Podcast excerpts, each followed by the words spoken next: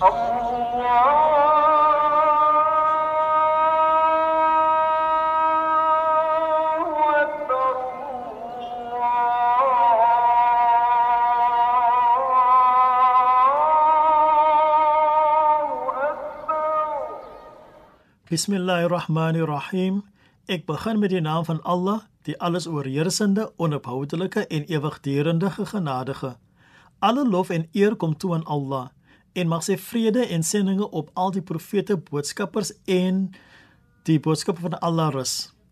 Die vriende van die boodskap van Allah en van ons leermeesters. Assalamu alaykum wa rahmatullahi wa barakatuh. Die vrede en sendinge van Allah op u.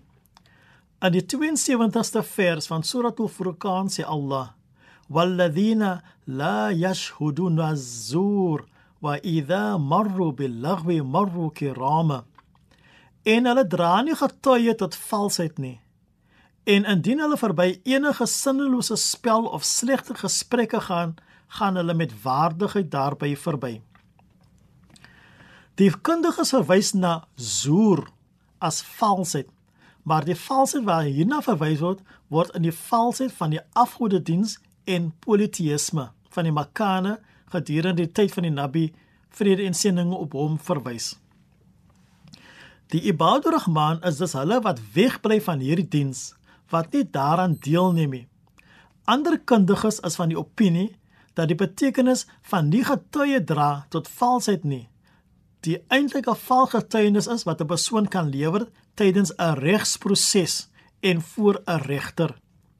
Die Nabi, vrede en seëning op hom, het onder andere gesê dat die persoon wat enige immorele aksie waarneem en wanneer hulle daardie persoon daaroor moet getuig en hy weier of hy gee vals getuienis, is dit asof daardie persoon self die aksie gepleeg het. Dit is erger in die geval waar die weerhouding van die waarheid negatiewe gevolge vir 'n ander persoon mag hê. In 'n hadith wat verhaal is van Abu Bakra, het die Nabi vrede op sending op hom gesê. En dit soveel keer herhaal dat hulle gewens het dat hy moet stop om dit te herhaal. Hy het gesê: "Pas op vir valsprate en die getuig van valsheid." Hy het deur uit dit oor en oor gesê. Hierdeur ervaar ons die gewigtigheid van die kaula zoer, die valsheid en om leuns te vertel wat die regte van ander mense in gedrang bring. Wat betref lahu of nuttelose of sinnelose gesprekke, dit kan lei tot 'n verskeidenheid ander, meesal onbedoelde gevolge vir 'n persoon. Deesdae is dit 'n algemene verskynsel met die sosiale media waar persone boodskappe aanstuur sonder om die boodskap te verifieer. Sodra jy iets pos, word jy die eienaar daarvan.